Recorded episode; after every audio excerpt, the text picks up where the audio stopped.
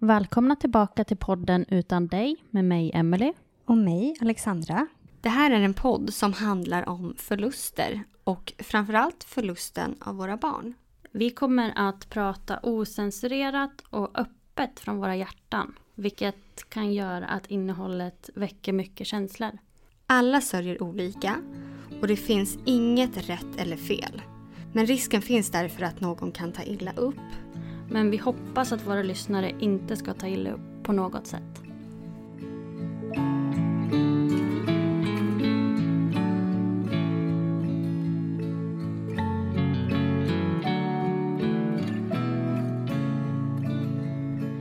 Idag har vi en gäst med oss som heter Pernilla. Och eh, du lever med en allvarlig muskelsjukdom. Ja, som heter LGMD2A. precis. Förkortning för lymfhjärnmuskeldystrofi typ 2. Ja.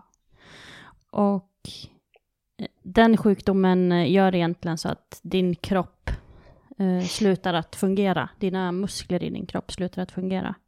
Ja, mina muskler förtvinar och eh, ersätts istället utav bindväv och eh, fett kan man säga, slaggprodukter liksom. Så vi tänker att du ska få berätta mer om din sjukdom, hur allt var när du fick den och så, och hur det är att leva med den och även kring din död. För det är ju också så att du har bestämt dig för att åka till Schweiz och avsluta ditt liv. Ja, jag har ju det. Eh, alltså, ja, i vilken ände ska man börja? Mm. Du Jag kan... är liksom eh, 39 och var 12 år gammal när jag fick reda på att jag var sjuk. Det började med att jag har två bröder. Och min bror som är två år äldre än mig, de gick till läkaren. Och så gick de och testade honom för att han hade börjat dra sig upp för trappor och sånt. Och så krävde mamma och pappa att de skulle testa mig som är två år yngre. Och då visade sig att jag också var sjuk. Min bror fick reda på att han var sjuk på sin 14-årsdag. Jag fick reda på det två veckor senare, så några dagar innan jul när jag var 12 år gammal. Och då var det, hej ni har två sjuka barn, nu kan ni gå. Där började helvetet. Jag kämpade med att inte tala om någonting för någon, utan jag valde att berätta för mina närmsta vänner. De ville inte längre vara med mina kompisar, för att jag var annorlunda, vilket jag också var. Fast jag hade liksom inte symptom på det sättet då. Jag sprang inte lika fort som alla andra eller Alltså jag fick lite mer hjälp att sitta upp på hästen och sådana saker. Men jag kunde fortfarande röra mig liksom.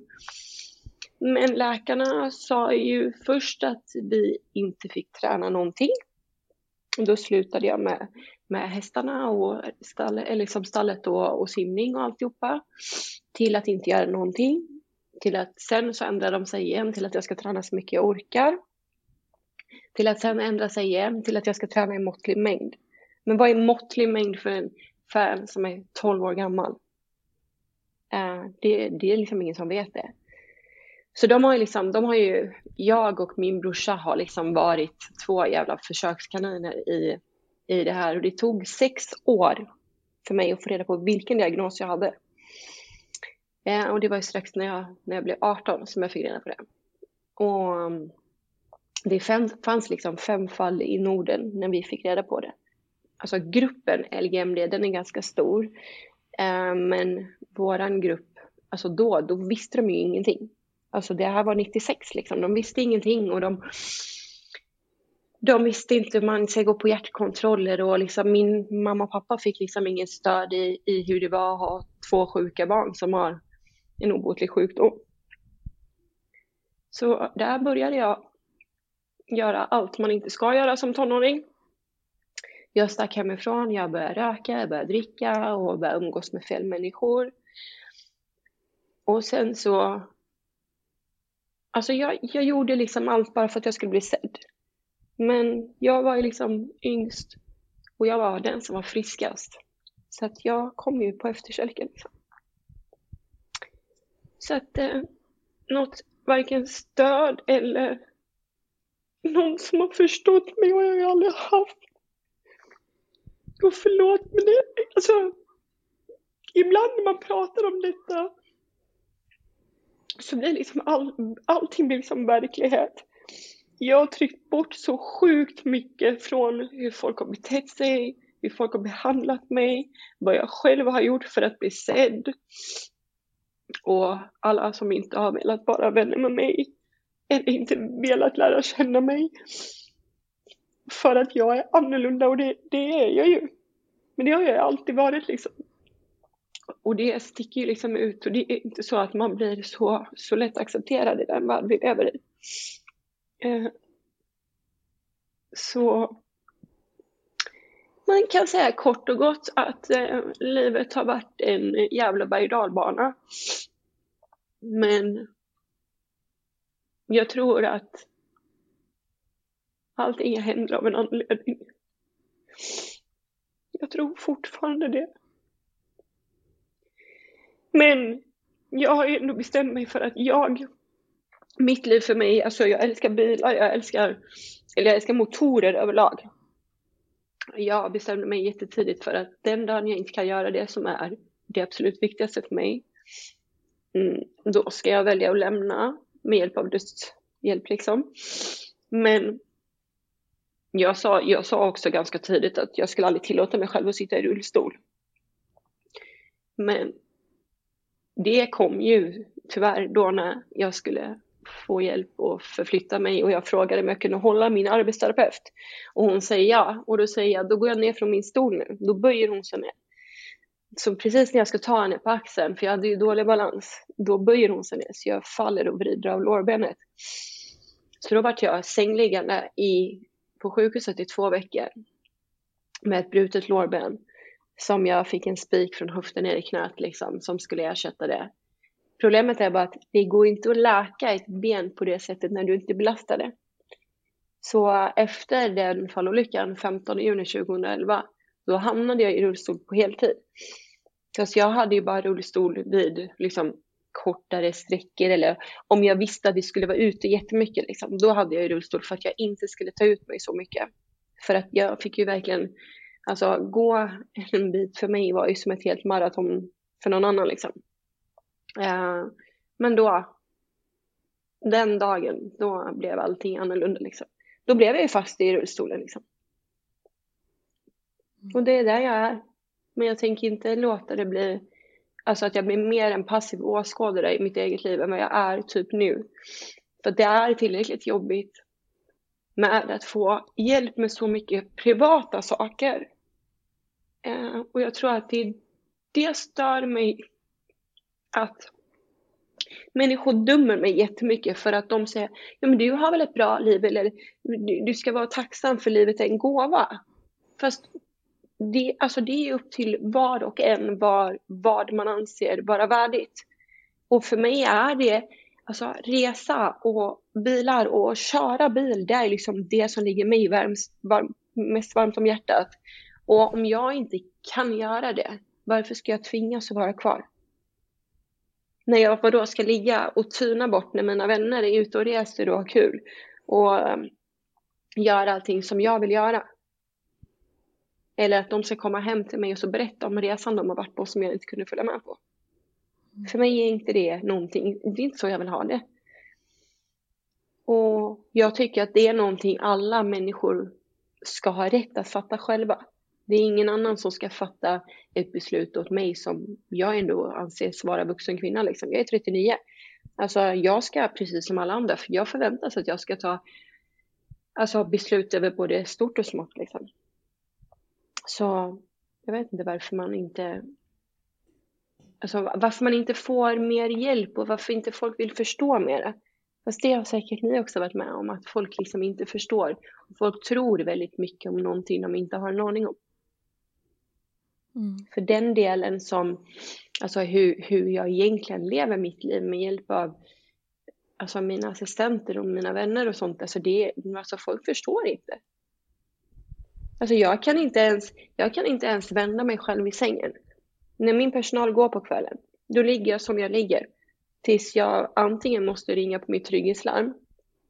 Och där är det liksom, de, är, de jobbar i ett par. De är liksom två personer som jobbar ihop på 13-1400 larm. Jag kan få vänta rätt många timmar. Jag har liksom väntat i över tre timmar för att gå på toaletten. Vem har möjlighet att göra det? Jag måste, för jag har inget val. Men annars så ligger jag likadant tills min personal kommer på morgonen dagen efter. Så det är inte, det är inte bara att folk tycker, det var ju som nu efter alla de här tidningsartiklarna och sånt så blev det mycket diskussion i Mölndalsposten. Och alla bara, ah, men du, du, har, du kan ju leva ett bra liv ändå. Ja, i dina ögon mått mätt kanske, men det kanske inte är det jag vill. Men vad jag vill och min vilja, det känns som att den räknas inte. Eh, för att jag ska bara vara nöjd och tacksam att jag lever. Men nej, det är inte så här jag vill leva. Nej. Och det är så lätt för andra att ha så mycket åsikter när de själva inte har varit i den situationen. Japp. Det är så varje dag och det kan jag mycket väl tänka mig att ni har fått höra mycket. Alltså att folk bara, ja ah, men det, det kommer bli bättre. Ja, okej. Okay. Vad hjälper det mig? Eller liksom, vad, vad hjälper det? Ingenting. Och alltså jag förstår att många gånger så, så handlar det om folks okunskap. Alltså jag vet det. Men någonstans ibland så undrar man om det saknas hjärnceller där i, i kontoret liksom. För att ibland så kommer det så mycket dumma saker ur munnar på folk så man blir faktiskt mörkrädd. Och så undrar man, eh, sa du precis det där? Mm. Mm. Men om så... du fick bestämma helt själv hur folk skulle bemöta och behandla dig, vad hade du liksom önskat då? Precis som de behandlar vilken annan människa som helst. Man behöver inte dalta med mig, man behöver absolut inte tycka synd om mig. Det klarar jag jävligt bra själv emellanåt. Precis som alla andra. I, som, ja, jag sa ju det, jag kommer gråta idag. Och det är alltid jobbigt för att när jag pratar om det så blir det, alltså det det är precis som att det blir verklighet då. För jag lever i detta. Så det är inte så att jag går runt och tänker hela tiden på hur jobbigt det är eller sånt, utan jag, är, alltså jag tar livet med en ganska bra klackspark äh, egentligen. Men när det blir så här, när jag ska liksom börja berätta om någonting som jag försöker förtränga, eller som när Thomas intervjuade mig för Dagens Nyheter. Alltså jag, tro, jag trodde han alltså, skulle plocka fram djävulen alltså. För att då kommer ju alla de här sakerna tillbaka som jag har förtryckt och liksom packat så långt, långt bort som man bara, för man vill inte, man orkar inte känna allt. Och skulle jag göra det, då skulle jag hamna på psyket för länge sedan. Liksom. Så att, som vem som helst. Inte att, inte att jag har gått ut eh, i, i media och talat om att jag ska avsluta mitt liv. För det är det folk hakar upp sig på. Nej, men så kan du inte göra och si kan du inte göra och så kan du inte tycka och bla. Jag tycker precis vad jag vill. Och det är liksom min rättighet. Mm. Simpelt. Mm. Och jag tänker också att, alltså, du lever ju också jättemångas allra värsta mardröm. För du är ju liksom fast i din egen kropp på ett sätt. Ja. Uh, och det vet jag att jag många gånger ja, men, tröstade mig själv lite med, med Ture när han var sjuk. För han mm. kunde ju inte alls röra sig på slutet och så. Men jag tänkte så mycket då på att det var en, en hjärnsjukdom. Att han förmodligen kanske inte var så medveten heller. Plus att han också var väldigt liten och så. Men mm. du är ju fullt medveten och ja, men, allra högsta grad en vuxen kvinna liksom. Mm. Så det måste vara jättemycket tankar och känslor dygnet runt, typ. Ja, alltså jag ska inte sitta här och ljuga. Alltså skulle, skulle jag säga något annat så skulle jag inte vara ärlig mot mig själv. Ehm, så det är klart att det är jobbigt och ibland när jag var yngre så sa jag att jag önskar att jag hade varit sjuk från början. Alltså att jag inte visste hur det är att springa, att jag inte visste hur det var och du vet, vara ute och gå i skogen eller gå barfota och sånt som jag älskar liksom. Men alltså samtidigt, nu, nu är ju situationen som det är, så det är bara att bryta ihop och gå vidare. Jag, jag kan liksom inte, jag vill liksom inte fastna i det där heller, även om man ibland faktiskt gör det. Eh, och jag har dagar som jag är typ som igår, alltså jag, och lite fortfarande såklart eftersom att jag blir så otroligt känslosam nu. Men alltså det är så, det är så svårt när man känner så mycket frustration. För att i mitt huvud är ju inte jag sjuk. Jag har ju bara en jävligt dum kropp som är sjuk. Som inte klarar av att göra det jag ber den om. Och den frustrationen, den är, det är nog den jag tycker är jobbigast, vet, när jag tänker att ja, men jag ska bara fixa det själv och så försöker jag göra någonting bara, mm, där fick du, det gick inte. Det är det som är jobbigast liksom. Mm. Eh, men någonstans så Alltså jag är väl alltså, hyfsat trygg i mig själv när det kommer till det. Så att jag har lärt mig att det spelar ingen roll. Ja, det hjälper inte att jag blir vansinnig, för tro mig, ilskan, den, eh, den är brutal ibland, så man nästan blir rädd och undrar varför jag blir så arg. Men det är klart att jag blir arg, för att jag, alltså kroppen gör ju inte vad hjärnan ber om. Liksom. Eh, men då är det bara snällt att säga till någon av tjejerna liksom bara så kan du bara hjälpa mig med detta. Och så känner man sig ganska värdelös och det är det som jag tycker är jobbigt. Och det är nog det som jag tycker är jobbigast att leva med assistenter. Um, även om jag har fantastiska människor i, runt omkring mig och mitt liv och sånt så ibland så vill jag slita av med håret för att folk inte förstår. Alltså hur, hur mycket en kommentar där jag, det, man blir ifrågasatt. Eh, Ska du verkligen duscha så sent? Eller vadå, ska, ska, du, ska du sola nu igen? Eller, alltså det är sådana här kommentarer som egentligen inte menas någonting illa, men som blir för mig stora som att jag känner mig till besvär. Eh, och den känslan att vara vuxen och känna att du faktiskt liksom inte kan göra saker själv, det är jobbigt. Jag som älskar att städa, jag älskar när det är så här maniskt, kliniskt rent, älskar. Men jag kan ju fan inte göra det själv. Och då ska man be någon om hjälp och så man bara, men du har missat för fan 40 procent av det jag bad om få bort dem. Alltså, det finns ju aldrig någon annan som, som bäddar din säng lika bra som du själv. För att det, du gör det på ditt sätt. Men jag ska försöka förmedla vad det är jag vill och hur jag önskar ha det. För det här är ju fortfarande mitt liv och min vardag som andra människor måste. Och jag måste släppa in folk. Men de måste också lära sig för att det ska fungera. Och det är frustrerande. För det är liksom när du vill så mycket men det går inte.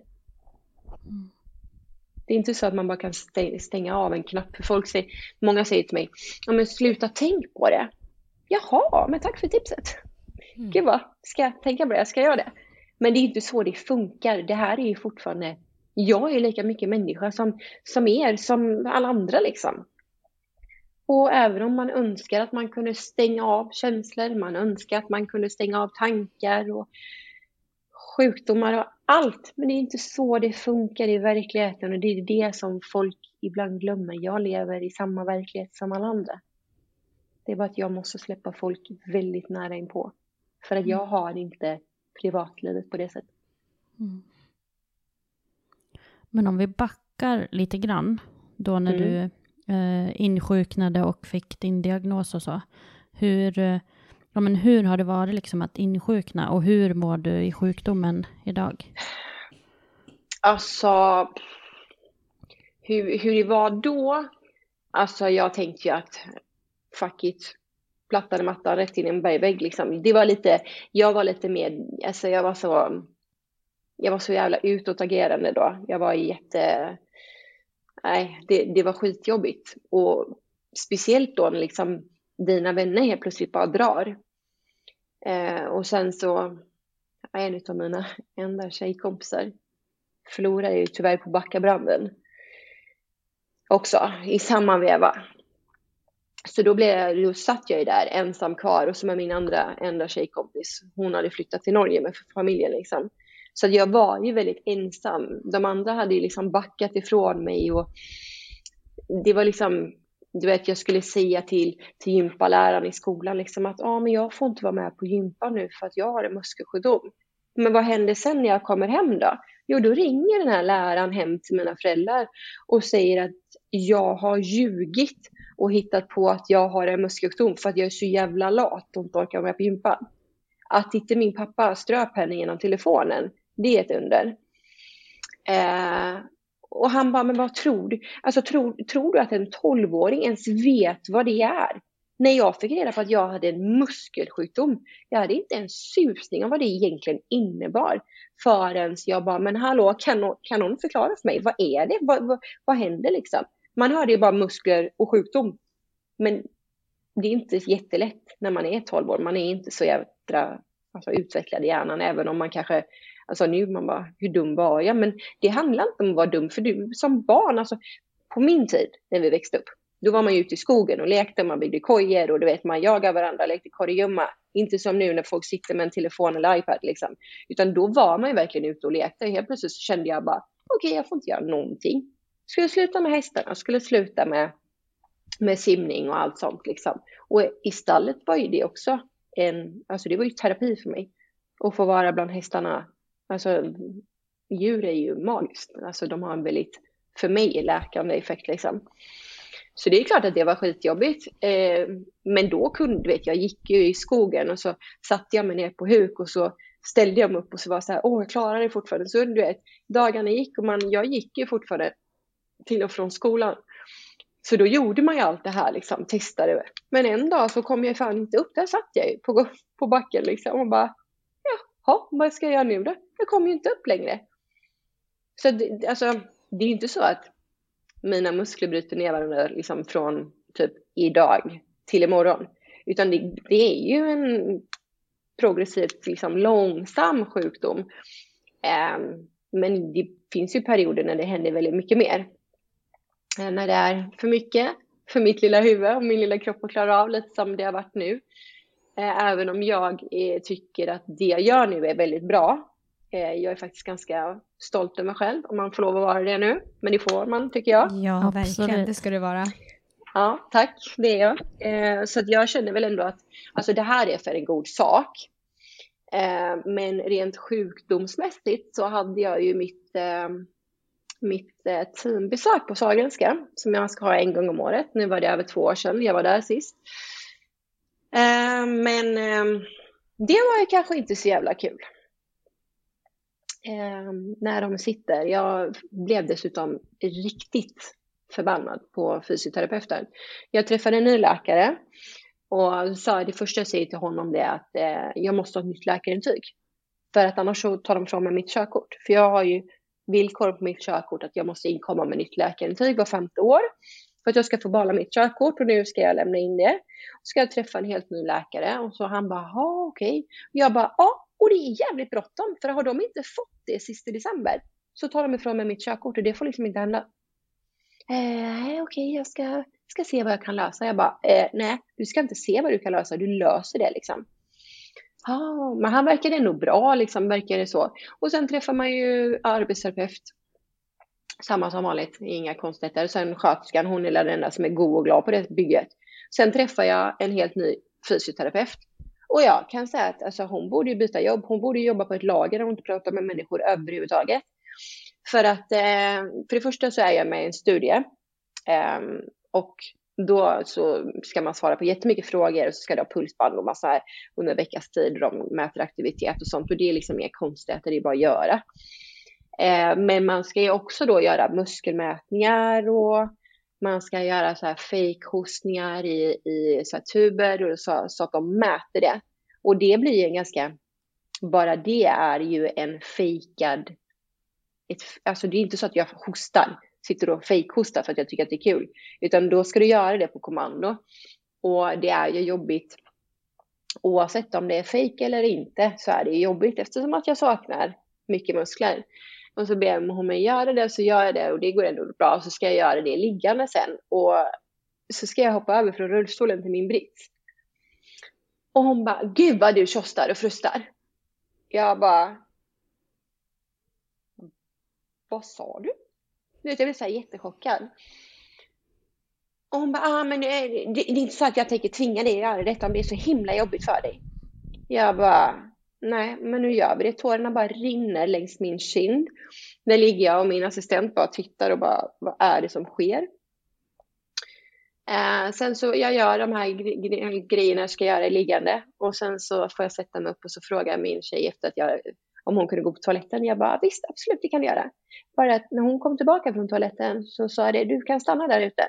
För då sa jag till den här arbetsterapeuten, eller vad heter det, fysioterapeuten att alltså oavsett vad du tycker och tänker om vad det är du gör här så är det inte för oss som lever med skiten så är det ett projekt att bara ta oss till Sahlgrenska och göra detta.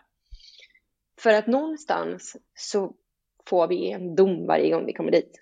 Vi vet for fact vad som har hänt. Jag vet, och nu när det är två, över två år sedan, jag vet att jag är sämre. Det behöver ingen tala om. Och sen då när du ska göra dessa sakerna iakttagen och som är tidtagarur och sånt. Och det är ju inte bara fysiskt jobbigt, utan man ska ju då brottas med huvudet också. För att jag, som sagt, det är jag är inte sjuk, utan det är kroppen. Och när någon bara säger att jag tjostar och frustar, alltså jag trodde jag skulle liksom få mig ett bryt på henne. För, och då sa jag det när Nova, eller min, hon som jobbade då, hade gått ut, så sa jag det, helt ärligt, hur tänkte du? Det är väl klart att det är jobbigt, men det är inte bara fysiskt jobbigt, det är psykiskt jobbigt. Och hon bara, förlåt? Jag bara, men alltså vad tror du? Alltså det här brottas jag med varje dag. Jag kan inte ens posta ett brev själv för jag når inte. Jag kan inte ens betala själv på apoteket för kassorna är så jävla höga. Så sist när jag bara, du kanske kunde vara snäll och sänka lite för att jag skulle nå upp till kortet. Då sprack ju hela dataskärmen för den var inte gjord för att sänka så mycket. Men det, nej, jag kunde faktiskt inte brytt mig mindre. För samhället är inte utformat för folk i rullstol. Nej. Sorry. Alltså, så, så då var det så här, nej, byt jobb. Vad, vad, vad vill hon att jag ska göra? Det är inte kul. Men jag har inte valt skiten.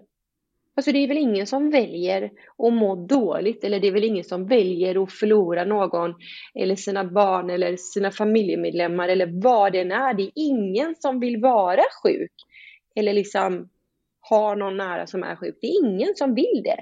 Så ibland när folk öppnar sina munnar så känner jag bara Oh God, vart är mänskligheten på väg?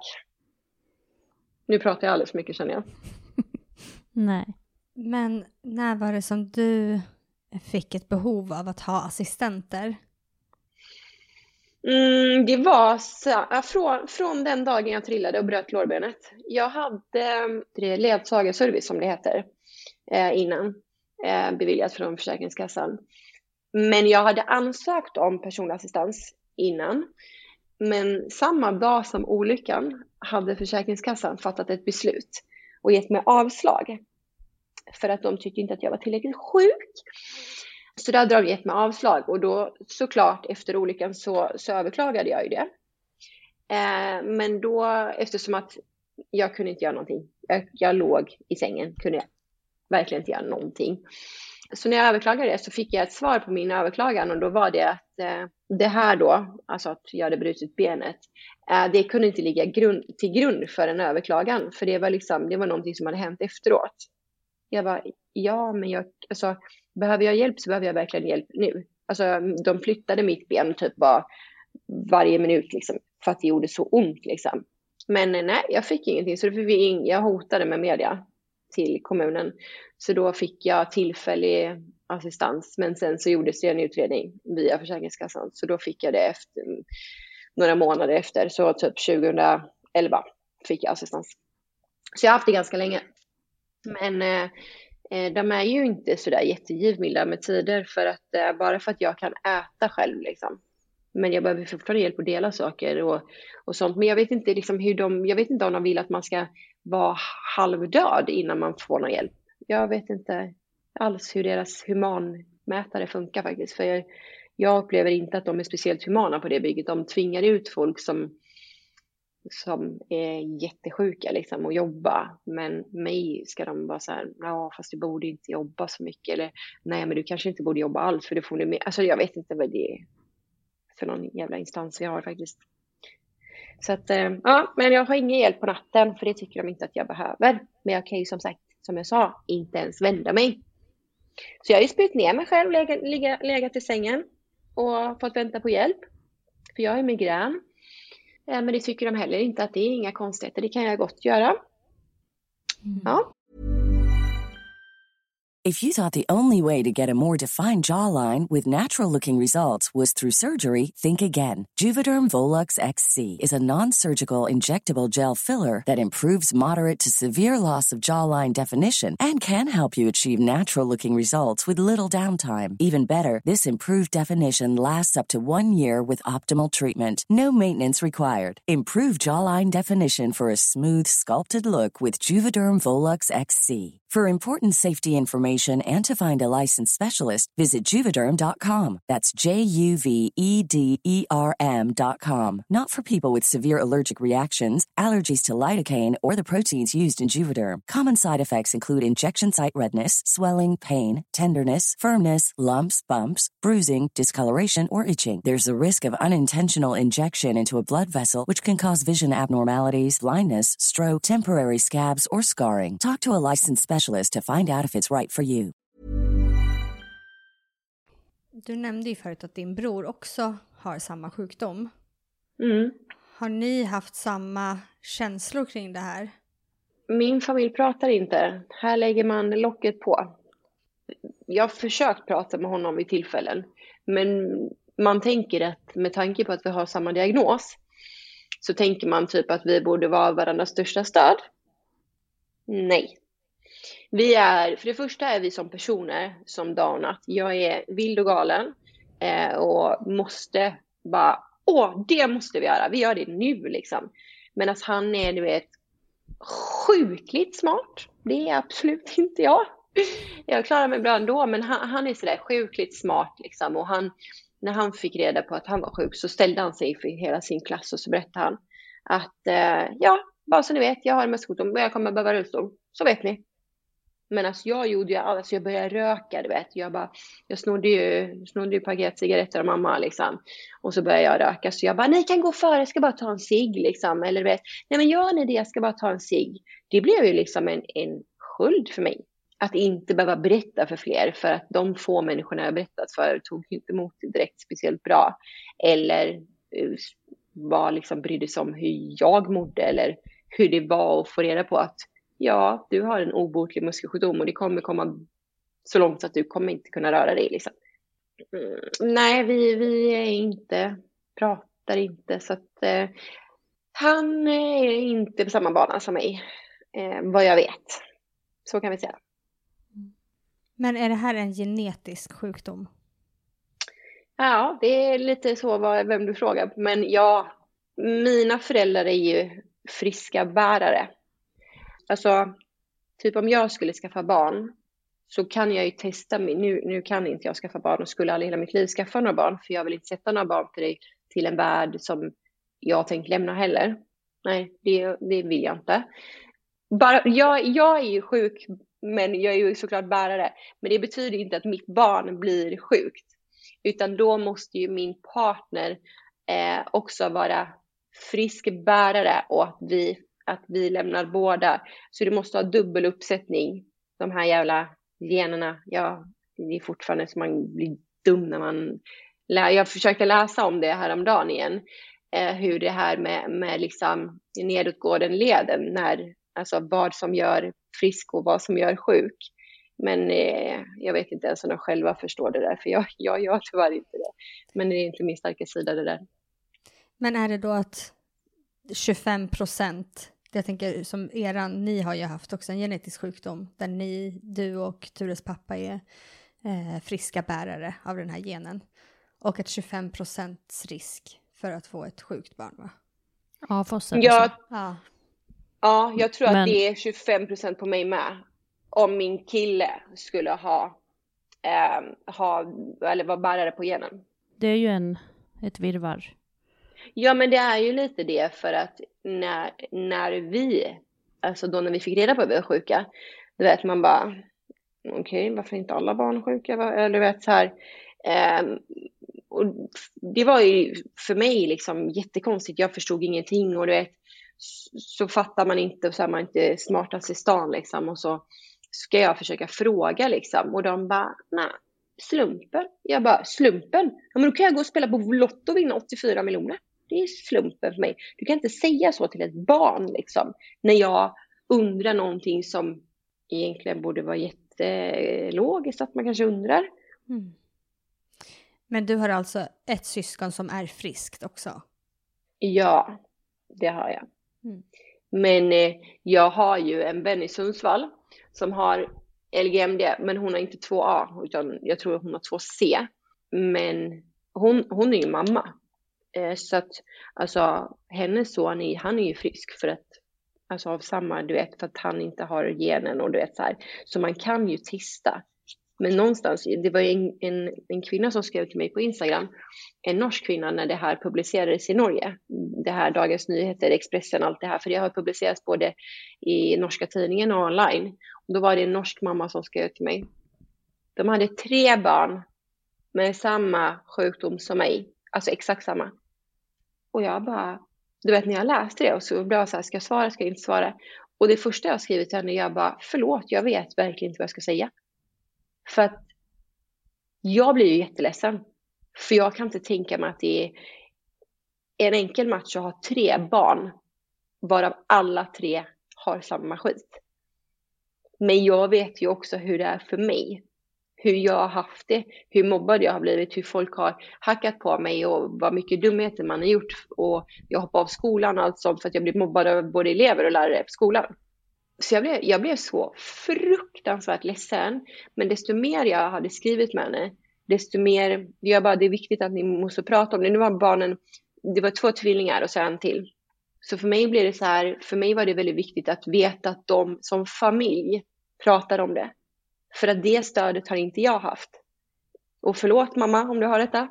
Jag tror inte att det är sunt för någon människa att lägga locket på, på någonting. För det kommer komma en dag där den där berömda bägaren, eller ryggsäcken eller vad man nu vill använda för uttryck, rinner över så kraftigt att det, det, finns inte ett enda hål du kan stoppa, utan det är bara så trasigt.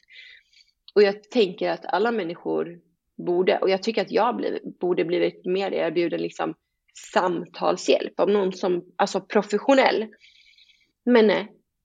Så det blev jag glad när hon och hennes man pratade mycket med barnen och nu bodde de i Spanien. Eh, så att det var också så här, jag vet ju hur bra värmen är för oss liksom.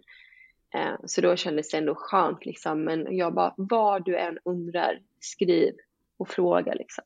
Och hon bara, tack. Jag bara, det är, det är faktiskt det minsta jag kan göra liksom.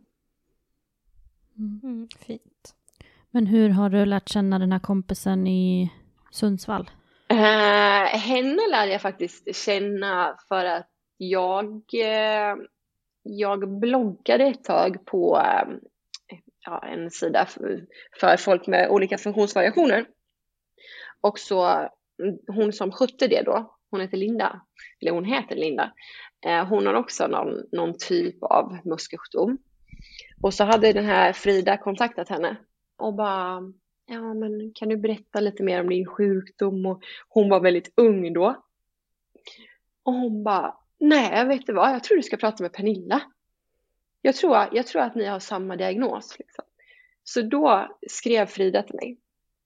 Och efter det så, alltså hon är typ som en lilla syster. Alltså hon är 11 år yngre än mig så att hon är, hon är inte så gammal. Eller äh, så gammal, inte så att hon är ett litet barn men Alltså vi var så unga när vi lärde känna varandra och det, jag har varit med mycket och hennes, hennes familj, mamma, och pappa, hennes syster. Hennes syster är frisk. Så att Frida är ensam i familjen. Även att det oftast drabbar syskonpar, den här skiten. Men eh, alltså hennes föräldrar blev så glada när hon lärde känna mig för att hon, hon skämdes ju jättemycket, hon gömde sig. Och du vet, så här, hon ville inte gå på, på shoppingcentret där liksom, för att hon tyckte det var jobbigt för hon behövde ha rullstol och sånt. Men jag bara, men låt han glo då. Jag kommer upp, då kan vi rulla tillsammans liksom. Så var det så här, då, då blev det liksom, ja men vad ska de snacka om då? Två tjejer i rullstol. Ja, fan vad roligt. Det kom två rullande dårar. Ja, det finns fler. Så att, eh, ja, nej men jag, jag eh, har nog hjälpt henne att få lite skinn på näsan och jag har mycket skinn på näsan, fruktansvärt mycket skinn på näsan. Men just du vet när det har att göra med min sjukdom, då är jag inte så fruktansvärt tuff alltså. Då är alltså, du kan hacka på mig för alla mina tatueringar eller du vet för hur man klär sig eller någonting. Det, det, alltså, det bryr jag mig inte om för fem öre. Jag tycker nästan det är bara roligt att folk ägnar, ägnar tid åt en, liksom, för sådana saker. Men du vet när det börjar, liksom, när det går till så angrepp om, om någonting som är kopplat till sjukdomen, då är jag inte häftig. För att eh, jag tycker fortfarande att det är jättejobbigt. Och jag tycker, jag tycker än idag att vissa människor inte ger mig en chans. Jag tycker än idag att, att det är jobbigt då att vara annorlunda. Även om jag på vissa sätt skapat en del av mig att bli mer annorlunda. Som, eh, kanske inte nu, men då var det så. Du vet, man var ganska ung och började tatuera sig mycket och sånt. För då var det så här. Det var ju inte så accepterat som det är nu. Var och varannan kotte är ju gaddad. Men då var det så här bara, men herregud, eh, ser det ut så där? Och så sitter du i rullstol och så, alltså hur tänker du? Man bara, mm, vadå? Eller alltså, så, så folk har ju liksom tyckt att du gör ju dig själv mer annorlunda. Och då är det så här, ja okej. Okay. Jag är annorlunda, jag kommer alltid vara det. Oavsett om man vill eller inte.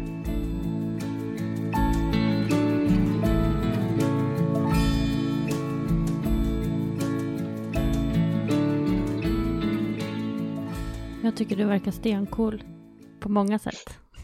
ja, verkligen. Ja. Hur söt den är. Stencool vet jag inte. Jag försöker, jag försöker göra någonting gott. Alltså, elände är det och det kan jag inte ändra.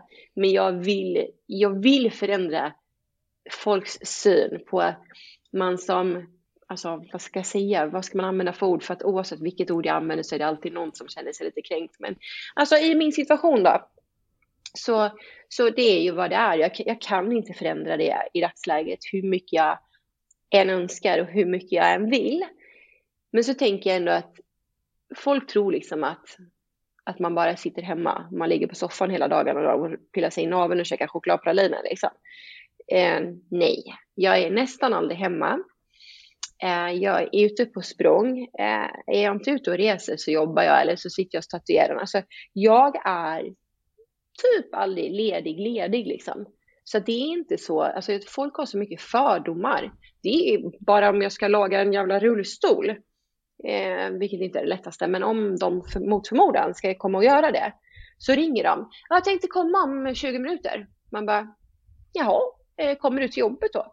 Vadå jobbar du? Man bara, ja vadå, det gör väl du också? För det är så här, de, för, för människor så är det, alltså, jag tror inte ens att de tänker på det, utan det är bara så här, aha, jobbar du? Man bara, varför skulle jag inte göra det? Alltså det är ju det här jag menar, det är så mycket okunskap. Folk tror att man sitter hemma hela dagarna och har världens tråkigaste liv. Det har inte jag. Tack och lov. Jag har allt egentligen jag kan önska. Alltså verkligen allt jag kan önska. Det enda jag saknar, det är en frisk kropp. Jag har jättefå vänner, men de jag har, det finns inte bättre vänner i världen. Eh, sen, även om inte min familj eh, riktigt vill acceptera det jag håller på med, Eh, med, med dödshjälpen eller egentligen att jag syns så mycket i media och sånt, så älskar jag min familj och de kommer alltid finnas för mig. Och liksom, jag, jag har ett fantastiskt hem, jag har jobb, jag har, jag har allting liksom. Men jag har en, ingen frisk kropp. Så att jag tycker att de, alla friska människor där ute och alla människor som har sluppit vara med om hjärtesorg, var glad för det. För det är inte jättehäftigt att ta sig tillbaka. Eh, och jag tycker att väldigt många människor borde ta sig en funderare innan de somnar om kvällarna ibland. Och liksom fundera över varför de gnäller så mycket. För att det är, ja vi lever i en värld där det är krig och det är så sjukt mycket elände. Men det är tyvärr inget nytt. Men om vi kanske, vi som tänker lite, kanske kunde vara lite alltså medvetet snällare mot varandra. För folk är så egocentriska att man glömmer bort hur fantastiskt man egentligen har det. Att man är lyckligt lottad, att man har jättemycket. Men man hakar upp sig på det man inte har. istället för att se allt det fina man har. Även om det är sjukt svårt ibland också. Och man, alla människor har rätt att vara jätteledsna och det ska man vara. Man måste få vara det. Men kan inte folk bara liksom finnas och, och låta en vara så sjukt ledsen där de inte kan sluta istället för att försöka trösta en? För det går liksom inte alltid. Mm. Mm. Typ sån dag hade jag igår. Hon bara, vad ska jag göra? Jag bara, du inte göra någonting. Räcker att du lyssnar på mig. Det är det enda jag behöver. Någon som bara lyssnar och typ bara talar om för mig att jag inte är helt koko i huvudet. Mm. För att jag blir så frustrerad. Mm. Men det var jag inte, sa hon, så det kändes bra. Mm. ja, väldigt kloka ord. Mm. Men du kom ju in lite på det här nu med eh, dödshjälp och att mm. du arbetar för det. Eh, skulle du vilja berätta lite mer om det? Vad vill ni veta? Ja, men först så du tog ju ett beslut om att du skulle vilja åka till Schweiz. Mm, det gjorde eh, jag som 14-åring. Okej, okay. så då hade mm. du ändå kollat upp det eller fått reda på det på något sätt, eller hur? Ja, alltså det var en kvällstidning. Mamma och pappa köpte alltid GT. Alltså på den, du vet, man köpte tidningen liksom. Eh, så låg den tidningen på, på våran kökssoffa. Eh, och jag, alltså jag är jag har alltid bläddrat lite i så här tidningar, inte för att läsa utan mer för att titta igenom dem, glutta liksom. Eh, och då på framsidan på tidningen så är det en jättevacker tjej som bara ligger där i en sjukhussäng. Eh, och eh, hon hade varit med om en olycka och blivit helkroppsförlamad. Men det var liksom absolut inget fel i huvudet. Eh, och hon hade bestämt sig för att avsluta med dödshjälp. För att hon blev ju, alltså hon, hon var ju verkligen, verkligen fången i sin egen kropp. Och hon skulle göra det. Och då kände jag bara att, ha, kan man göra det? Vad bra. Då var det så här, det var ju som en vändpunkt lite för mig. För att då visste jag att jag inte skulle behöva bli något jävla kolli, något jävla paket som någon ska hålla på och dutta och ta hand om. Ehm, jag kan acceptera viss hjälp, men det finns gränser hos mig där Alltså de, de, är inte, de går inte att sudda bort, utan de är där de är. Ehm, som till exempel köra bil för mig. Det är liksom, du tar inte det ifrån mig. För tar du det ifrån mig så, nej, alltså då, jag vill inte. För det är liksom, alltså den lyckan, du vet, någon hjälper mig in i bilen. Sätter jag mig sen, stänger dörren och så de kan åka någon annanstans, bryr mig inte liksom. Och du vet, stereon högsta, och det är jag i bilen. Det är ingen kotte som har en aning om att jag är rullstolsburen. Alltså jag kör en helt vanlig bil. Det är en helt vanlig automatare liksom. Jag är ute och rattar där. Jag var ute och körde Porsche häromdagen. Så att ja, jag är liksom, jag är barnsligt eh, förälskad i motorer. Så det är, det är en grej som är viktig för mig. Så då kände jag att okej, okay, när den dagen kommer, då vet jag att det finns möjlighet till det. Och då kom ju det på tal om Dignitas och i Schweiz och allt det här. Och det är ju egentligen bara, bara Schweiz som tillåter utländska medborgare eh, få hjälp. Och det är ju på, i Schweiz liksom. Men jag tycker ju återigen att det är, det är inte någon annans att ta hand om. Vi borde få den möjligheten här. Jag har förlorat sjukt mycket människor i cancer och jag är väl inte ensam om det, tänker jag. Men när, man, när det går så fort som tre månader eh, från, att, från att personen i fråga blir sjuk eh, och sen så tar det liksom en och en halv månad innan man får reda på att det är cancer. Eh, och sen så tar det en och en halv månad till. Jag kan säga att hennes enda önskan var att ta mig härifrån. Det var det enda hon bad mig göra. Och jag, vadå, kan inte göra någonting? Och den, jag tycker inte att om man är fullt med i huvudet och man ändå kan eller i egenskap av förälder till, till som till exempel era barn, om ni vill och vill ta ifrån någon, du vet det här fruktansvärda som de pratar om, den palliativa vården och sånt. Jag, för mig är inte det humant. Jag är jätteledsen. Jag tycker inte, alltså jag tycker inte att man ska behöva bli någon helt annan och så hög på mediciner om man faktiskt inte vill. Eller jag tycker liksom, vill jag lämna så borde det vara min rättighet oavsett vad egentligen liksom. Så det är väl där. Alltså, sen så, alltså Sverige, alltså vi är ju, vi är 80 procent som är liksom för någon form av dödshjälp. Eh, och det är många som skulle säga ja direkt. Sen så är det väl kanske några som är så här lite ja kanske. Men jag vet inte om någon helt ärligt med handen på hjärtat kan sitta och säga att man skulle vilja se någon nära anhörig liksom vara sjuk och det enda man vill är att få lämna för att man, man orkar inte med det. Man orkar inte höra om alla lyckliga resor eller allt vad du, vad du själv önskar göra men som du inte kan. Som i mitt fall då kommer bli liksom. Jag vill inte det. Alltså jag vill bli ihågkommen för den personen jag var. Eh, alltså den du vet glada, spralliga, skitspontana bara ö, ska vi dra till Stockholm eller oj, nej vi sticker ner till Emporia i Malmö för vi är sugna på att shoppa. Hoppla Kerstin, nu hoppar vi in i bilen så drar vi. Jag älskar ju det, den sidan med mig. Men vadå, vad ska jag göra sen då? Ska jag bara, kan ni åka ner, kan ni facetima mig? Nej, tack. Jag vill göra det själv. Alltså för mig är det viktigt att få göra saker själv. Inte att jag ska uppleva mitt liv genom någon annan. Så det, nej. Ja till dödshjälp. Jag tror att det är många som egentligen vill det, men jag tror att folk är för rädda. Mm. För att man kanske inte vill. Nej, jag fattar väl som i mina föräldrars fall. Det blir inte klart att, deras, att de vill att deras dotter ska lämna. Alltså det, jag har full respekt för det. Och det enda jag ber om, det är inte, det är inte att du ska tycka om mitt beslut. Det är att du som vuxen får gå ur mamma eller papparollen och se det med andra ögon. Om du själv hade suttit i min båt, skulle du seriöst vilja ha det så? Jag tror att man behöver inte gå längre än så. Mm. Jag tror ingen vill veta av att jag ligger hemma här och mår skit. Mm. Ja, det är jättestor skillnad på att leva och att överleva. Tack snälla för dessa välvalda orden. Det är mm.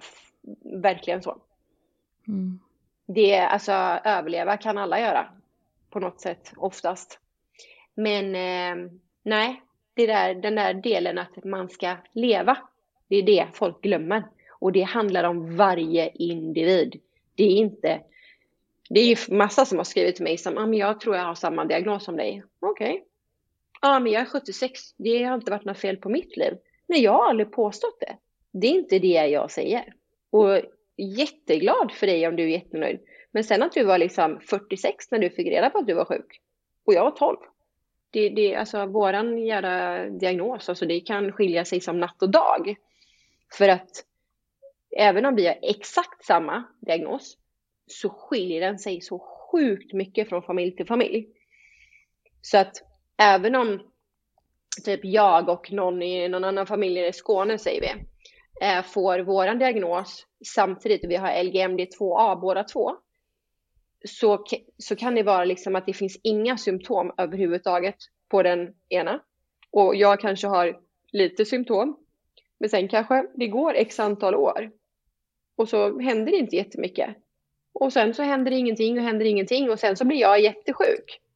Men den andra ingenting. Alltså så att det betyder inte att bara för att vi har samma diagnos så, så har, lever vi samma liv och samma intressen och samma sjukdomsbild. Alltså det är inte så det funkar. Alla är ju olika individer, men också sjukdomen är ju som att man undrar hur den funkar egentligen eftersom att det kan skilja sig så sjukt mycket. Så det är inte så här att man är typ, ja men du, du lever i ett bra liv fram till den här åldern. Det finns ju inget sånt. Jag känner ju tyvärr folk, eller tyvärr ska jag absolut säga, för jag tycker människan är fantastisk. Men vi har också exakt samma diagnos. Men eh, hon har ju mycket mer problem med amning och, och sådana saker som jag tack och lov inte har ännu. Men det vet vi ju inte hur amningen kommer påverkas på mig, även om vi har samma diagnos. Men har du ont i din kropp? Ja, har ont 24 timmar om dygnet, 365 dagar om året. Ja. Men nu är min smärta liksom, alltså nu är den som vanlig så att nu, nu märker jag inte av den på det sättet. Får jag mer ont, som jag faktiskt har idag, jag sa det till, till Vilma förut, jag bara, fan vad jag har ont i min rygg idag. Men, och det är inte ofta jag säger det, men ja, jag har ont hela tiden, men det, det, är liksom, det har jag lärt mig att leva med, det är liksom inte ett problem Problemet blir när jag får mer ont än det jag alltid har om man säger. Sen så det är väl också lite sådär att alltså kolla ut liksom vad är det kolsvart blåsigt som fan och ösregn. Det är inte så att det här hjälper till. Hade det varit 25-30 grader och strålande sol och klarblå himmel så då hade jag mått betydligt mycket bättre. För att vädret påverkar mig jättemycket. Älskar kan... värmen. Mm. Men kan din smärta också, att du har ondare idag, kan det bero på att du hade en jobbig dag igår? Ja. Det här, alltså det där sambandet med den här knoppen på, uppe på och kroppen, den, den är ju betydligt mycket större än vad man ibland fattar själv. Och det är jag, jag vet om att det är så. Men ibland så är jag ju också lite förnekare att jag tänker att äh, det, det har inte med det att göra. Men ja, det är klart att det påverkar. Mm. Samma som hos alla liksom, när det blir för mycket, alltså det, då blir man ju tröttare i kroppen, man blir slöare. Det är ju ett sätt för att kroppen att tala om att nu kanske du ska ta och lugna ner dig lite, gumman. Mm. Ja. Mm. Den är man ju, kan, alltså där är jag väl egentligen precis som alla andra dårar. Svindålig på att lyssna på kroppen. Alltså, det ska ju ske det där sam, berömda samarbetet, men ja, ibland så vill man ju väldigt mycket mer än vad kanske kroppen vill. Typ som nu, det är väl det jag håller på med nu. Det är väl det som stör mig egentligen. Att jag vill jättemycket. Jag har hur mycket energi som helst liksom. Men sen bara så är det som att någon drar ur kontakten. Bara. Men då blir jag ju istället, då kan jag ju inte sova. Så att ja, nej, men det är klart, det påverkar. Men jag, jag, känner mig ändå ganska, jag känner mig ändå ganska stark. Så ja, smärtan funkar eh, så länge den är vanlig. Äter du mycket mediciner? Jag önskar jag kunde svara ja på den frågan i form av att det hade funnits några. Eh, det gör det ju inte. Eh, men jag äter egentligen bara sömnmedicin för att jag ska få sova. Eh, för att då sover jag igenom smärtan eftersom att jag ligger likadant hela tiden. Eh, och sen äter jag en, en liksom lite, vad säger de, ja, men den kopplar hjärnan till kroppen liksom. Med smärtan, att det ska, ska lugna ner det lite. och sen en lite starkare smärtmedicin. Men det tar jag alltid enbart på kvällen. Så att det är ingenting, jag, jag äter liksom inte mediciner på dagarna eller liksom behöver någonting eller måste ta någonting för att orka med liksom. Utan det är bara inför kvällen som jag tar det. Så det är väl positivt så. Men jag hade önskat att jag kunde säga att jag käkar mirakelmedicin. Mm. Det är väl många som önskar det fanns. Mm. Görs det någon forskning på den här sjukdomen? Ja, det forskas. Men tyvärr så forskas det ju, alltså, in, alltså muskelsjukdomar generellt, det är inte så att de har lika mycket forskningspengar som Cancerfonden, vilket jag absolut förstår. Eh, men det är liksom, det finns inte tillräckligt mycket pengar och det finns heller inte tillräckligt mycket kunskap. Det forskas, men det forskas i mycket mindre utsträckning. Och på just, alltså det pågår eh, kliniska försök eh, på LGMD2I, vet jag. Och sen så nu när jag var på Sahlgrenska så frågade jag faktiskt läkaren om det var någonting mer som är liksom i pipen nu. Att det, men ingenting nu och som sagt det finns ju inte så jättemycket. Det finns, jag vet att det är några som, som har eh, samma diagnos som har eh, gjort stamceller eh, utomlands. Eh, men det är väldigt, väldigt olika resultat. Så att eh, vi får väl se vad som händer på forskningsfronten. Det är klart att man hoppas, men jag tror också att jag tror tyvärr att det ligger för långt fram för att gynna mig. Eh, men jag hoppas att det kommer gynna andra eh, och att det liksom kommer kanske finnas någon form av broms i alla fall. Men i min värld så är det så här. Okej, okay, jag har muskelsjukdom. I mitt fall då så har jag kalpainbrist. Ja, men steroider funkar ju för kroppsbyggare. Varför funkar inte det Alltså, och det är egentligen inte, inte en konstig fråga. Men när jag ställde den frågan som 15-16-åring så tyckte de att jag var helt snurrig i huvudet som ställde den frågan, för det var inte samma sak. Men för en vanlig person så är det klart att det blir samma sak. Men, ehm, Men det är också väldigt eh, beroende på vem utav läkarna du pratar med och vem, alltså det finns ju jättemycket biverkningar och det är inte säkert och det jag kan inte, jag kan ändå inte bygga upp någonting som är dött. Så att eh, den som lever får se. Mm. mm. Men din kropp just nu, är det benen som är mest drabbade? Musklerna i benen? Nej, ja, alltså det är egentligen eh, höftparti alltså, och axlar, så det är ju hips and shoulder är ju för, alltså, min beskrivning om man säger på sjukdomen. Men den påverkar hela kroppen. Eh, så att jag är ju jättesvag, alltså hela kroppen. Men jag kan ju inte lyfta mina armar. Jag kan ju inte, jag kan liksom, alltså jag klättrar upp på bordet, alltså jag kan ju inte Eh, så jag tror att det, alltså benen, missförstå mig rätt, skit jag i nu. Alltså de funkar, jag kan fortfarande köra en vanlig bil eller en vanlig automatare så det är inga konstigheter. Men det som jag har tyckt det sista nu, det är väl att liksom, fan vad trötta armarna börjar bli. Det börjar bli jobbigt, vet man inte orkar med liksom.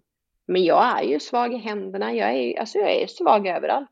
Så att nacke och alltså, vi, vi vet inte vad som händer.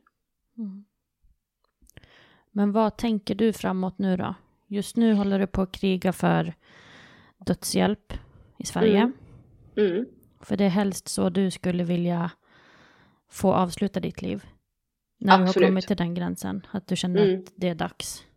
Ja, alla dagar i veckan. Varför ska jag behöva åka någon annanstans? Så det är det jag försöker få. Jag försöker få ett förhandsbesked på att när jag anser att dagen är kommen, att jag ska få den dödliga eh, alltså medicinen här. Alltså jag tror att jag, jag är mer sugen på att få folk att förstå att jag inte är annorlunda egentligen på något annat sätt än vad, vad ni är till exempel, som sitter där ni sitter liksom. Utan jag lever ju egentligen som de flesta. Bra och dåliga dagar, alltså mer och mindre att göra på jobbet eller du vet så här, lite stressigare då eller du vet nu är det snart jul och då ska man, alltså som alla liksom. Så jag tänker att jag vill få folk att förstå att jag kan liksom göra jättemycket saker, men jag behöver bara göra de sakerna på mitt sätt. Jag kan inte bara, bara ställa mig upp och gå och pinka på morgonen, utan jag får, jag får vänta, snällt vänta på hjälp. Liksom. Jag får, men det blir ju liksom på mitt sätt. Och jag tänker att alltså, kroppen är ju fantastisk ändå. Att, att man Alltså jag gör, kan göra massa saker men det kanske ser jättekonstigt ut i någon annans ögon. Eh, för att jag gör det konstigt. Men det bryr inte jag mig om längre. Det var jättejobbigt förr men nu är det så här, ja men det är ju mitt sätt och min kropps sätt att klara av att fortfarande göra det. Och det är jag tacksam för. Så att jag vill bara att folk ska förstå att lägg dig inte i och tro inte att du vet någonting som du inte vet. Men bara för att jag behöver hjälp och har hjälp i min vardag så känns det som att mitt liv är helt okej okay att kritisera precis hur man vill och att man inte alls tänker på att jag har lika mycket känslor som alla andra, kanske mera. Alltså frustrationskänslor som, som andra inte behöver brottas med, för jag måste ju brottas med det där jävla huvudet. När är det du behöver gå och pinka som mest? Det är när du inte kan. Mm. Precis. Det ska jag då bara sluta tänka på när jag är själv. Det är inte riktigt så enkelt. Jag önskar att det var det. Men alla de här sakerna, det är liksom precis som att folk tycker att ja, men du har ju ändå folk i ditt liv, ja, inte hela tiden eftersom att jag inte får hjälp på natten, men ändå att det blir så okej okay att, att prata om mig och mitt, precis hur man vill. Nu har jag ju valt att göra det ganska duktigt eh, i media själv. Men det är just för att folk ska förstå. Och tjejer i rullstol kan absolut älska motorer och bilar och köra bil och gå på Formel 1. Som jag liksom, mm, alltså jag typ ryser bara jag tänker tanken på det igen liksom. För att det är så jäkla ball. Och man kan visst jobba fast att man är rullstolsburen och, och behöver hjälp för att klä på sig, ta på sig och äta. Alltså, vad en, alltså man, man kan göra jättemycket men man kanske gör det på ett annat sätt. Det vill jag att folk ska förstå. Mm. Så du har åkt och kollat på Formel 1 och sådär eller? Jag har varit i Monaco. Jag fick ju en lite sån fin inbjudan av eh, prins Albert från Monaco. Eh, mm. där han bjöd ner mig till, eh, till Formel 1 förra året. Mm. Så då var jag där. Och på slottet, det var inte lika häftigt. Eller fina bilar, men det var ju inte det jag var. Jag var ju mer intresserad av allt annat. Mm. Inte de fina klänningarna och fina, fina middagen liksom. Utan jag vill ju mer höra bilarna och se. Men tro mig, det var en, det var en riktig show med, ehm, med sådana brutala bilar som jag aldrig kommer se i mitt liv igen. Liksom. Det var ju Bugatti-bilar och det var liksom, bilarna kostar ju mer än vad man ens kan drömma om liksom. Det är de där 84 miljonerna som jag sa mm. jag skulle ha vunnit liksom. Ja. Så att, eh, jo, bilar är kul. Och Monaco, jag har sett ett, men jag hoppas att jag ska få komma till Abu Dhabi. Det är ju Formel 1 sista, sista racet i Abu Dhabi nu denna helgen som kommer nu. Mm. Får se om jag kommer dit nästa år kanske. Mm. Det hoppas, hoppas vi. Ja, det hoppas vi. Alltså även om man inte har kanske det där jätteintresset så är det barnsligt roligt. För det är ju, det är lite som att man går på en konsert på någon artist som du kanske normalt sett inte lyssnar på. Men känslan när man kommer in på stället där liksom det ska vara, det blir ändå ganska maffigt. Mm. Kan tänka mig det. Mm. Stört kul. ja, vi hoppas att du får komma till Abu Dhabi i alla fall. Mm. Mm, bra, då vet jag att jag har en hejaklack hos er. Ja, absolut. Det glädjer mig. Mm. Jag funderade lite på om du pratar om döden med dina nära och kära. Om det är ett liksom stående samtalsämne för er och naturligt att prata om? Uh, nej, det skulle jag inte påstå. Jag, jag är ju lite så sarkastisk så jag kan ju slänga upp ett lite sådär fint om, de, om någon säger ja men det kan vi göra, ja, vi, kan, vi kanske kan göra det om ett år. Ja men jag kanske inte finns om ett år kan jag liksom. För att folk, folk glömmer liksom att jag vill inte vänta med att göra det jag vill göra. Jag vill göra det nu. Jag skiter i om du inte vill göra det, då behöver du inte följa med. Men jag vill göra det nu. För jag vet ju faktiskt inte. Så nej, det skulle jag inte påstå. Mina vänner, ja, lite grann. Eh, min, min absolut bästaste vän tycker att det är jättejobbigt att prata om. Eh, vi gör det ibland, eh, men det är mest liksom att vi har sjukt mycket saker vi måste hinna göra. Verkligen sjukt mycket. Och hon bara, vi ska göra det, ska vi göra det, ska vi göra det. Jag bara, vi får fan sätta fart för om vi ska hinna med allt det här. Hon bara, ja jävlar, vi trampar gasen i botten. Jag bara, ja, ja visst, vi kör liksom. Så att, alltså, nej, jag, nej, och min, som sagt, min familj, de är ju de största förnekarna som finns. Så de vill inte prata om det. Ja, de fick ju, alltså de blev ju, eller fick ju möjligheten att bli intervjuade av Thomas. Eh, men det var ju, jag vet inte om man, intervju och intervju, det sades ju ingenting. Mamma gick iväg och pappa bara, ja, ja, jag får åka med henne den dagen det är dags då. Alltså typ. Mm. Så det är liksom, sen, sen är det färdigpratat, sen är locket på igen. Då är vi tillbaka i, i, liksom i gamla, men nu är det ju mycket snack för att jag vill byta bil liksom och ah, men det, du kanske inte ska göra det och bara men vadå, kanske inte ska göra det? Jag vill inte vänta, jag vill göra det nu. Det är en dröm. Låt mig bara göra det. Lägg dig inte i liksom. Ah, men ska du inte tänka, men vadå, tänk om. Ja, men tänk om. Ska du sitta så sen du, när du blir äldre eller du, du kanske råkar ut för någon. Tänk om jag skulle gjort detta. Jag saknar, jag undrar varför gjorde jag inte det? Det uppmanar jag alla människor, frisk, sjuk eller whatever försök gör det du vill göra om du har möjligheten.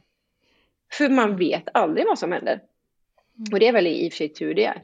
Men jag tänker verkligen, embrace it. Mm. Man vet inte. Så att jag tycker att alla borde, och jag vill verkligen försöka, för jag har mycket jag behöver göra. Typ resa jorden runt liksom. Mm. Jag skulle behöva någon som kunde supporta med ett privatplan bara så man kunde Alltså det finns ju jättemycket att se och all mat i alla länder man vill prova och allt liksom. Det finns ju massa coola saker att se och göra och simma med delfiner har jag gjort men jag hade gärna gjort det igen. Alltså. Det är väl mm. bättre att göra det när man kan, om man har möjligheten. Och inte mm. vänta, oavsett vem. Bara gör det. Tänk mm. inte så mycket, gör det. Men skulle du säga att din största sorg är att din kropp inte fungerar som du vill eller att du kanske inte kommer få ett superlångt liv? Nej, alltså hur konstigt det än jag, det låter så, nej det bekymrar inte mig överhuvudtaget egentligen. Utan det är egentligen att jag ska tvingas välja. Alltså, jag vill ju leva mitt liv. Liksom. Och för mig är det så här, ja, men jag lever hellre ett kort liv och har jävligt roligt. Än att leva ett långt liv och bara vara den här tråkiga jäveln som inte gjorde det man ville. Alltså, nej, jag säger hellre kort. Och jag, är, jag är väldigt trygg i det. Jag är, jag, är inte, jag är inte orolig för döden. Den skrämmer inte mig, utan det är mer, det är en jävla trygghet för mig. För jag vet att jag kommer aldrig behöva lida. Jag kommer liksom, när jag känner att nu orkar inte jag mer, då har jag faktiskt enligt mig själv full jävla rätt att göra det. Lämna. Och det gör att jag känner mig bara lugn och trygg. Så att, nej, det värsta är att kroppen inte funkar. För huvudet vill mycket mer. Så det är egentligen det jag brottas med mera.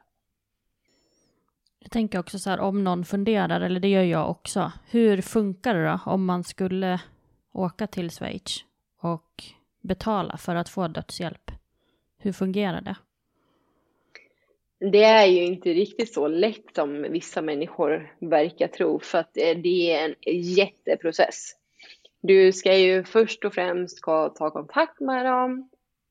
Sen så ska det, alltså ska det, man ska förklara varför man vill lämna. Eh, och du ska liksom ha läkarintyg, du ska träffa deras psykolog och det ska göras massa kontroller och ja, det är liksom mycket. Men det, det som jag tycker är skönt med Dignitas, det är ju att alltså även om jag har bestämt en exakt dag, att den här dagen ska jag lämna. Och jag är där, jag har åkt dit och jag är där. Och så kanske jag bara, nej men jag vågar inte eller jag vill inte. Nej, kanon. Då ses vi en annan dag. Eller du vet vad det finns liksom. Det är inte så här, folk tror att bara för man har sagt någonting eller pratat om någonting eller så här, så tror de att det är, liksom, det är det som gäller, det är skrivet i sten. Men så är det ju inte. Och det är också en missuppfattning att det är bara att åka dit och så får man en liten shot och så dör man. Det är inte så enkelt. Det krävs rätt mycket. Mm. Men har du haft kontakt med dem nu?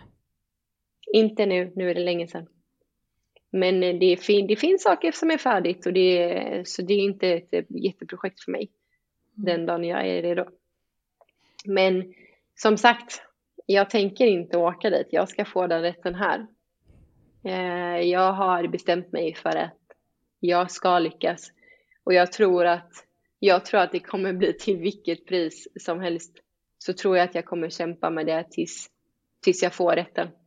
Jag tror att det det kan liksom, det, det, det triggar mig så mycket att, att få det att bli verklighet här. Och som sagt, jag trodde inte när jag påbörjade den här grejen när Thomas kom till Treklöverhemmet så trodde inte jag att för att jag blev intervjuad av honom så trodde inte jag att det skulle leda hit där jag är idag. Med all uppmärksamhet och och alla intervjuer och alla frågor och nu riksdagsseminarie och alltså jag trodde liksom inte att det skulle gå så långt men jag sa till Thomas, jag tror inte att det här kommer gynna mig på något sätt utan jag tror bara det kommer gynna folk som kommer efter. Men jag, jag har fått mycket av det också och framförallt har jag fått väldigt mycket fina människor som har skrivit så mycket fint till mig och stöttat mig så mycket och att de hejar på mig att jag ska lyckas. Eh, och det, jag försöker ju blunda för allt det negativa, för det finns ju alltid. Men det, det har liksom känts så himla bra och faktiskt kanske få göra skillnad, att det ska bli någon förändring. Att jag kanske är den där personen som, som folk har behövt alltså vänta på, att jag ska ta detta åt mig, att jag ska lyckas med det. För att det är ju faktiskt folk som ja, det finns ju flera stycken som ni vet som har avslutat sina liv, men de har gjort det mycket mer tystnad. Eh, så har det kommit fram efteråt och det har läkare som har förlorat sina legitimationer och sånt. Men jag ska kriga i det öppna för, alltså nu är det förhoppningsvis ändå ett par år kvar. Eh, och jag tänker göra det tills jag får någon, någon, något sånt kvitto på att jag faktiskt lyckas. Så jag tror ändå att det driver mig. Och sen så, jag blev kontaktad av ett, eh, ett parfymföretag ifrån Stockholm efter att jag hade gjort min andra radiointervju. Så när jag kommer till Stockholm nu så ska jag få förverkliga en av mina drömmar till. Och det gör mm. egen parfym. Mm. Så att det, jag har fått mycket fina saker också. Väldigt mm. mycket fina saker. Okay. Så det är värmande. Att det finns fantastiska människor där ute som gör saker. Som ni, alltså jag kan tänka mig hur många ni har, har hjälpt um, genom det ni gör. Som ni kanske inte tyckte eller tänkte att det kanske skulle göra någon skillnad. Men jag tror att det gör det för många. Att dels att ni pratar om det och också att ni, alltså det blir en form av stöd. Och jag tror att jag blir ett form av stöd för väldigt många också som inte vågar. Jag, jag vet ju att jag, blir, jag kan bli så arg, men jag blir så arg så att jag blir ledsen. Men eh, förr eller senare så måste ju någon lyssna. Mm. Ja, vi hejar på dig från vårat håll. Mm. Och Tack. Eh, nu när vi spelar in det här så är det ja, men, i slutet på november ungefär. Eller det är i slutet på november. Mm. Och eh, vi får se när det här avsnittet släpps, för nu är det jul på ingång och så. Men jag tänker mm. att då får vi skriva en liten uppdatering kring hur allting har gått för dig kring ditt riksdagsbesök här nu innan jul och så. Eh, så folk också kan få en liten uppdatering på Instagram i samband med att det här avsnittet släpps. Så jag vi... hoppas att det är bra uppdateringar då. Det hoppas vi också. Ja, verkligen. Vi får mm. se hur lång tid det tar från Socialstyrelsen också. Mm. Och fatta ett beslut. Vi vet ju att det kommer bli ett nej, men... Mm. Ja, vi håller det, tummarna. Mm. Vi det håller kommer bli nej. Det kommer bli nej, men vi är beredda på det. Så det jag tänker att Europadomstolen, here we come. Mm. Ingenting kan stoppa dig. Nej, nej, jag tror faktiskt inte det. Jag tror, eh, jag, som sagt, jag blir triggad av det. Jag blir väldigt, väldigt triggad av att eh, eh, alltså motståndarsidan till det, de har så i min värld konstiga saker. Eh, och jag förstår att jag, alltså det finns ju motståndare till allt. Eh, säger, du, eh, säger du klippa gräset så är det någon som säger att nej men det är inte bra att klippa gräset. Alltså det finns ju motståndare och, och alltså folk som pushar för någonting. Och det, så är det ju alltid liksom. Men eh, jag, sk jag skulle bara vilja ha en av motståndarna och förklara exakt för mig vad det är som gör att jag inte ska ha rätten att bestämma över mitt egna liv. Mm. Den frågan vill jag ha svar på. Mm. Men man får ju liksom inget svar. Och jo, just ja, Gud ska jag bli troende, säger alla också. Jag skulle komma ner till några som, så skulle de eh, samla ihop ett gäng bedjare. Jag bara, ja, gör ni det? Men det är inte där jag är. Och sen så alla människor har rätt att tycka, tro, känna, allting vad man själv vill. Men det känns som den där lilla detaljen har glömts bort. Och det jag tänker nog att alltså, sociala medier har ju gjort det där lite mer suddigt. Att man någonstans inte får på grund av vad man förväntas. Jag vet inte. Mm. Jag tycker att eh, ni är i alla fall jävligt jädrigt eh, modiga. För jag, det som ni har varit med om nu börjar jag snart gråta igen. Eh, det måste vara typ den värsta mardrömmen man kan uppleva. Och så när ni ändå, alltså, hur, hur, hur går man vidare från det liksom? Mm. Så jag tror att ni hjälper många. Tack. Tack så jättemycket. Mm. Väldigt fina ord. Men jag tänker att alla människor borde försöka bli lite bättre på att prata om saker. För många saker har man gemensamt med andra utan att man egentligen vet om det. Mm. Och man får vara ledsen och man får, man får bryta ihop och man får. Men någonstans så tror jag jättekonstigt. Jätte, jättekonstigt. Men jag sa ju att det fanns en anledning till varför jag blev sjuk. Jag tror inte att vem som helst hade klarat av det. Och jag tror, alltså jag skulle inte ens önska min värsta fiende den här sjukdomen. Mm. Mm. Faktiskt. Så tack ja, för att jag fick vara med. livet är orättvist. Ja. Det är det. Fruktansvärt. Mm. Men man måste någonstans... Ja, vad ska man göra? Man kan... Man, alltså, det du inte kan förändra. Det sa min... När min man lämnade mig så sa sa min äldsta brorsa till mig, han bara, varför är du inte ledsen? Jag bara, det handlar inte om att jag inte är ledsen. Men det jag inte kan förändra, det är bara att släppa det och så försöka gå vidare. Hur svårt det än är. Ja, ah, men ska du inte försöka få tillbaka honom? Jag vill inte ha tillbaka någon som inte älskar mig helhjärtat. Mm. Alltså, någonstans, någonstans så, det man inte kan förändra. Jag kan inte förändra hur, hur shitty min uppväxt har varit eller hur folk har behandlat mig eller något. Men jag kan försöka göra det bättre av att folk får reda på när de faktiskt gör fel. Typ som fysioterapeuten. Hon skämdes Mm. jättemycket. För jag var jätteledsen. Mm. Men om ingen vågar säga det så kommer hon heller aldrig bättra sig. Exakt. Ja, men verkligen tack för att du ville vara med här idag och tack för allt fint arbete som du gör och för att du så fint delar med dig. Tack. Mm. Vi hejar på dig och vi följer dig i allting du tar dig an framöver här. Tack. Och förlåt att jag var så ledsen i början. Nej, det får man vara. Men jag tycker att det är så, alltså alltid, alltid, alltid när jag ska börja prata om det, då är det precis som att någon drar ut, vet, den här pluggen. Jag har absolut inga problem nu att prata om det. Nu kan jag prata om, ni kan fråga mig vad som helst och jag skulle bara förklara eller berätta eller sådär. Men det är alltid sådär i början. Ja, men det är precis som att man påminner sig själv om att, hur, hur skitigt det egentligen är. Mm. Så det är lite, Mm. det är alltid jobbigt. Mm. Men man behöver aldrig säga förlåt till oss för att man är ledsen. Nej. Här får man vara hur ledsen man vill. Mm. Mm. Det känns ju i sig skönt. Mm. Det är också det, man vill ju bara egentligen känna sig förstådd. Och det är väl ni de mest perfekta kvinnorna att göra, tänker jag. Mm. Som har fått gå igenom hjärtesorg själva. Mm. Får jag Ja, fråga tack en så sak? jättemycket. Mm, absolut. Har ni några fler barn?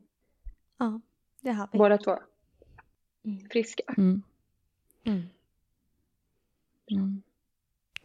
Jag fick eh, en dotter efter att eh, Ture hade dött och vi fick ja, men kolla då, så att hon var frisk i magen redan.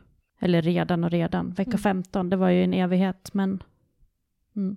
Så hon... Hur eh, jobbigt var det? Jo, det var jättejobbigt. Men eh, så vi vet att hon är frisk, men hon kan ju vara som jag, frisk men bärare. Um, mm. Mm. Ehm, jag hade ett, ett barn redan sedan innan. Mm. ehm, som var ett år och nio månader när Sally föddes. Och eh, Sally blev inte sjuk för att hon hade någon gen- genetisk sjukdom utan min livmoder sprack. Så hon fick eh, syrebrist på grund av det då. Vad- Eh, och en hjärnskada. Är det, är, är, är det vanligt eller jag har aldrig hört? Nej, det är inte alls vanligt. Ehm, Mm. Men jag var snittad med första barnet med kejsarsnitt. Eh, och det var det ärret som sprack när jag var hemma på grund av att jag fick verkar. Eh, och jag hade varit inne natten innan jag blivit hemskickad igen.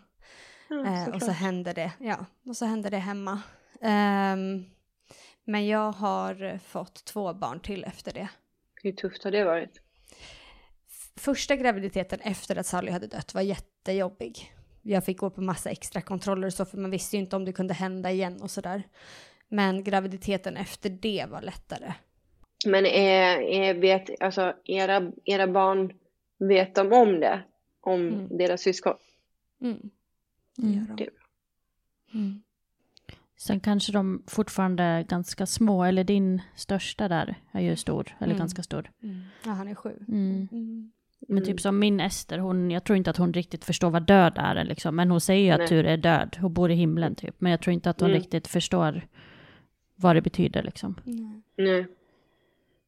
Nej. Men det är ändå, det är ändå modigt, tänker jag. Alltså, att, de, att ni redan har berättat. Alltså, att de vet om det från början. Mm. Men det Att känns som en självklarhet. Mm. Mm. Men det var ju det jag sa förut, att det är prata om saker och ting. Och ni gör ju det bra valet, att välja att prata om det. Mm. Men det är väl till det därför som ni har ändå vågat ta er igenom det liksom. Mm. Igen. För det kanske man inte gör annars. Mm. Jag vet inte. Ja, sluppit det där som tur är. Mm. Jag hejar på er också. Mm. Tack.